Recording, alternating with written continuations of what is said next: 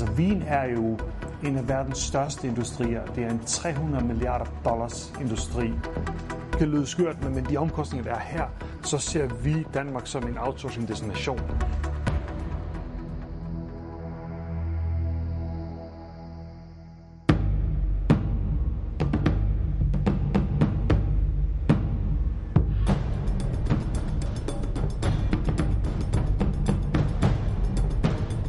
Den grundlæggende feature er den her, at du står i en, i en vinbutik og har det, alle de her vine foran dig, og du ved ikke, hvad du skal gøre. Så finder du noget, der har interesse, så tager du et, et hurtigt billede. Jeg har fundet en parole her fra en producent, der hedder Brovia, som jeg ikke kender. Og inden for du ved, 2-3 sekunder, så har vi alle data på den her vin. Den har 4,1, og der er 44 øh, af vores brugere, der har smagt den her øh, årgang. Så, så det er en rigtig god vin, øh, vi har her. Appen er Vivino, og den er omdrejningspunktet i denne udgave af Made in Danmark. Manden, der gav et lynkursus i, hvordan appen virker, er skaberen Heini Zachariasen, som vi besøger i hovedkvarteret på Market Street i San Francisco. Sammen med markeren Tej Søndergaard har han taget Vivino til toppen af vinapps med 22 millioner brugere. Og her i 2016 rejste man i seneste kapitalrunde ikke mindre end 25 millioner dollars. Hvad man vil bruge den kontante saltvandsindsprøjtning til, og hvorfor man outsourcer jobs fra firmaets hovedkontor i San Francisco til Danmark, det kommer du til at høre mere om senere i indslaget. Først skal vi tilbage til den spæde start omkring 2009, hvor man var lidt usikker på, om man skulle lave et website eller være en mobilapp. De oprindelige tanker var mere sådan en website med alle de her data på. Uh, men når vi får den her idé med, ved du hvad, forestil dig, at du kan stå i supermarkedet, tage et billede og få alle informationerne, Øhm, så går det stærkt, og jeg får Thijs, min medstifter, ombord og siger, hey, det er det her, vi skal. Uh, Jamen, så, så der går lidt tid med det, og lige finde ud af, hvordan vi skal gøre og sådan noget. Øh, og vi kan også se, at det er mobil der er fremtiden. Det bliver meget, meget klart på det tidspunkt. Prøv at tage mig med tilbage til der launchen i 2011. I har faktisk brugt rigtig mange penge og rigtig meget tid på at få loadet ja. etiketter ind. Altså teknologien fungerer jo på den måde, at vi skal have set den her label, før vi kan genkende den. Og det var, det var den største udfordring. Hvordan får vi alle de her labels ind?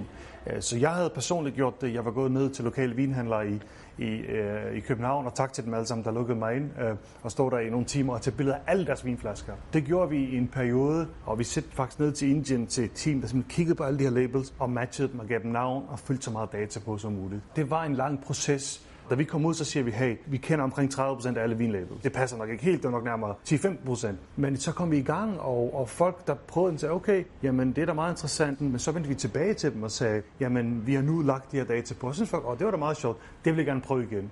Og så byggede vi langsomt databasen op, øh, og det har altså taget ligesom flere år for at få det op på et rimeligt niveau. Man taler jo meget, specielt omkring apps, med en kritisk masse. Hvor følte du jeres kritiske masse lå hen i forhold til, nu kører det, nu løber det? Et eller andet sted omkring 2012, der kan vi se, at der kommer sådan en knæk opad. Før det er det, det, det er, som de kalder her, en grind. Du, du kører og kører, og der kommer lidt flere på og lidt flere på. Men på et eller andet tidspunkt i 2012, der kan folk se, wow, den, den matcher lidt flere, end den ikke matcher nu, og det giver mig værdi og sådan noget. På en eller anden måde, så sker der noget der i psykologien, at produktet bliver bare bedre end de andre produkter. Der fandtes 600 vinapps tilbage, da I gik i gang. Større og mindre vinapps. Hvorfor blev det lige nøjagtigt jer? Jeg tror, at det handler om at løse et problem for en bestemt gruppe mennesker. Vi havde et meget klart mål om at ramme den midten af brugeren, den almindelige vindrikker, hvor mange af de andre var sådan, jamen jeg er vinekspert, jeg skal lave en vinapp. Det er klart, hvis du er vinekspert og laver en vinapp, så laver den også til vineksperter. Vi havde et andet mål om at løse et problem for den almindelige vinelsker. Det, det tror jeg var meget, meget vigtigt, at, at vores forståelse af den pain, som man kalder det, øh, var relativt god. Så det at indrømme, at man måske ikke er helt klog på vin, måske man er lidt dum til det, det var faktisk en fordel? Det synes jeg, det var, fordi vi var, vi var målgruppen for det her produkt. Vi var, vi var åbenbart ret gode til at bygge produkt, vi var også målgruppen, så vi forstod problemet ret godt. I foråret 2016 var der behov for at hente ny kapital til den hurtigt voksende Vivino. En kapitalrunde gav både spændende investorer og hele beløbet, man søgte på 25 millioner dollars. Og de penge er der allerede lagt planer for. Når man bygger sådan noget som det her, så bliver i virkeligheden mange penge brugt til, man kan kalde det drift, men altså udvikling af selskabet. Det vil sige, øh, det meste for os er i virkeligheden mennesker. Øh, folk, der sidder og programmerer, Øh, folk, der laver salg, alle de her skal betales, mens vi bygger det her. Øh, så meget af det er i virkeligheden øh, bliver brugt på lønninger til at ligesom tage os til næste niveau. Det gør så, at vi har en stor markedsplads for vin, så folk kan købe vine. Det gør, at vores produkt bliver meget stærkere, så penge bliver brugt meget til det. Blandt dem, der skød penge ind i jer, der var der jo familiefonden for Moët Hennessy. Kommer der ikke en blanding af nogle interesser for nogen, der producerer noget, som er i familie med det, I laver, og så det, I skulle gerne være, hvad kan man sige, upartisk? Ja, det, det, er, det er en meget vigtig pointe. Vi er 100% upartiske. Um, det var noget, vi overvejede meget dengang. Kunne der være noget, øh, en konflikt der? Øh, og det vurderede vi ikke, der var. Øh, deres grund til at investere i os var, at de, de kunne se markedet skiftede.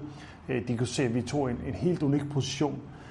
Og de, de så det som en investering i vinområdet, og det er ikke Mo Hennessy selv, der har investeret, det er ham, der er CEO og chairman, og hans familiefond, der har investeret. Så vi har vurderet, at det ikke var en konflikt, men virkelig en vigtig overvejelse for os. Der må også være en følelse i, når de penge tækker ind på kontoen. Er det et lettelse, eller bliver man lige pludselig stresset over forpligtelserne, der følger med? Jeg vil altid prøve at gøre mit bedste, og øh, det er selvfølgelig en stor lettelse, og man bliver meget rørt og synes, det er fantastisk, at nogen tror så meget på os, og vil investere så meget i os. Øh, samtidig ved jeg, at det er en stor forpligtelse, at øh, nu er det nogen, der har givet dig billetten til det her, nu skal du til at performe. Uh, så der er ingen tvivl om, at, at der følger en stor forpligtelse med. Uh, men der er altså nogen, der tror på, at vi kan det, så, så det, det føler man sig meget øh, som glad for og privilegeret over. Og netop det der med forventningerne fra investorerne, det er jo, at det her det skulle gerne blive rentabelt ud i fremtiden. Det er jo ikke for deres blå øjens skyld, de går ind i det her. En af de ting, som I er begyndt på, det er jo blandt andet at selvfølgelig at sælge vin via jeres site. I indgår også øh, samarbejdsaftaler med supermarkeder, hvor man kan købe vinen i. Er det fremtiden for jer at sælge vin? For os handler det om for vores brugere at gøre det så nemt som muligt at købe vin. Øh, der skaber vi den her markedsplads, hvor vi mener, alle vine i verden skal være. Øh, og det tror vi laver samarbejder med folk, der sælger vin, folk, der producerer vin, og alle de vine skal være tilgængelige på Vino. Øh, og ja, vi tror, det er fremtiden for os. Vi tror, altså vin er jo en af verdens største industrier. Det er en 300 milliarder dollars industri. Øh, hvis vi kan få en lille bid af den industri, blive en, den største markedsplads der, så har det et kæmpestort potentiale stort. En af de ting, der er nemt ved jeres, det er jo, at når man har fundet en vin, som man synes om, eller man bliver anbefalet en vin via jeres mange anmeldere, så er det det at klikke, at man gerne vil købe den. Lige nu, der online-markedet for vin er jo forsvindende lille i forhold til, hvad man går ned i butikkerne og køber. Det vokser ret kraftigt. Globalt set er vi oppe på en 15 procent nu, og det varierer meget fra marked til marked. Vi tror, der kommer et skift der. Øh, vi tror, der kommer måske et langsomt skift i starten, men jeg tror, det kommer til at gå hurtigere og hurtigere. Øh, vin er godt nok er det besværligt at sende og sådan noget, men det er også besværligt at gå ned i butikken og slippe hjem. Herover i USA, hvor, hvor convenience er ligesom meget, meget vigtigt, der er folk meget, meget glade for at købe vin online. Selvom lovgivningen og sådan noget gør det lidt besværligt, så er de meget glade for, at de kan lide det convenience at få det leveret. Årsagen til, at Vivino nu har hovedkontor i San Francisco efter opstarten i Danmark, og ikke er rykket til f.eks. Frankrig og andre historisk set store vinlande, det er der en lige til forklaring på. Hvis du tager de to ting, som vi er, så er det vin og tech. Øh, og det du har her, det er Silicon Valley og Napa Valley, og San Francisco ligger lige midt imellem. Øh, så det i sig selv giver meget god mening. Øh, den, den store overordnede beslutning var også, at USA er vores største marked, og vi skal ikke tro, at vi kan markedsføre tale til amerikanerne som skandinaver eller et eller andet fra Danmark af. Der skal du være på markedet. Du skal have lokale folk, der kan hjælpe med det. Det at være her, som er den store globale tech-hub, hvor Google, Facebook, Apple, alle ligesom ligger. Det betyder utrolig meget for os. Vi arbejder tæt sammen med Apple, vi arbejder tæt sammen med Facebook. Lige nu lancerede Google, Google Home, der var vi en del af lanceringen. De ting sker som regel ikke, hvis du er baseret i Europa. Det er meget, meget vigtigt at være et sted her. Det er meget, meget dyrt at drive forretning her. Øh, det er meget, meget svært at tiltrække de rigtige folk. Øh, vi har taget det, det valg, at øh, produkt og engineering, altså al, al programmering og sådan noget, ligger i, i København. Og det giver utrolig god mening for os, fordi så skal vi ikke konkurrere med, med Apple og Google om, om den type medarbejdere. Men hvis vi lige kigger på det et øjeblik, så lyder det som om, at, at, at man outsourcer til Danmark. Jamen, det, det, det kan lyde skørt, men, men de omkostninger, der er her, så ser vi Danmark som en outsourcing-destination. Øhm, og, og sådan er det bare. Sådan er betingelserne i dag i den her by, som er lidt af en boble og, og med meget, meget høje priser på de ting. Men bliver man påvirket også i en negativ grad af at være her i San Francisco? Fordi der er jo en virkelighed, som ikke findes andre steder i verden, og ikke engang i USA, at ting er dyrt her. Det er dyrt at bo her, det er dyrt at leve her, det er dyrt at have medarbejdere. Påvirker det en sådan lidt negativt? Det synes jeg ikke nødvendigvis negativt. Det, man skal passe på med, det er at lave produkter, designe produkter, som om det her var den virkelige verden. Øhm, det er det ikke. Øh, San Francisco er et meget unikt sted. Derfor skal man bygge produkter til verden og til USA, hvad end for et marked.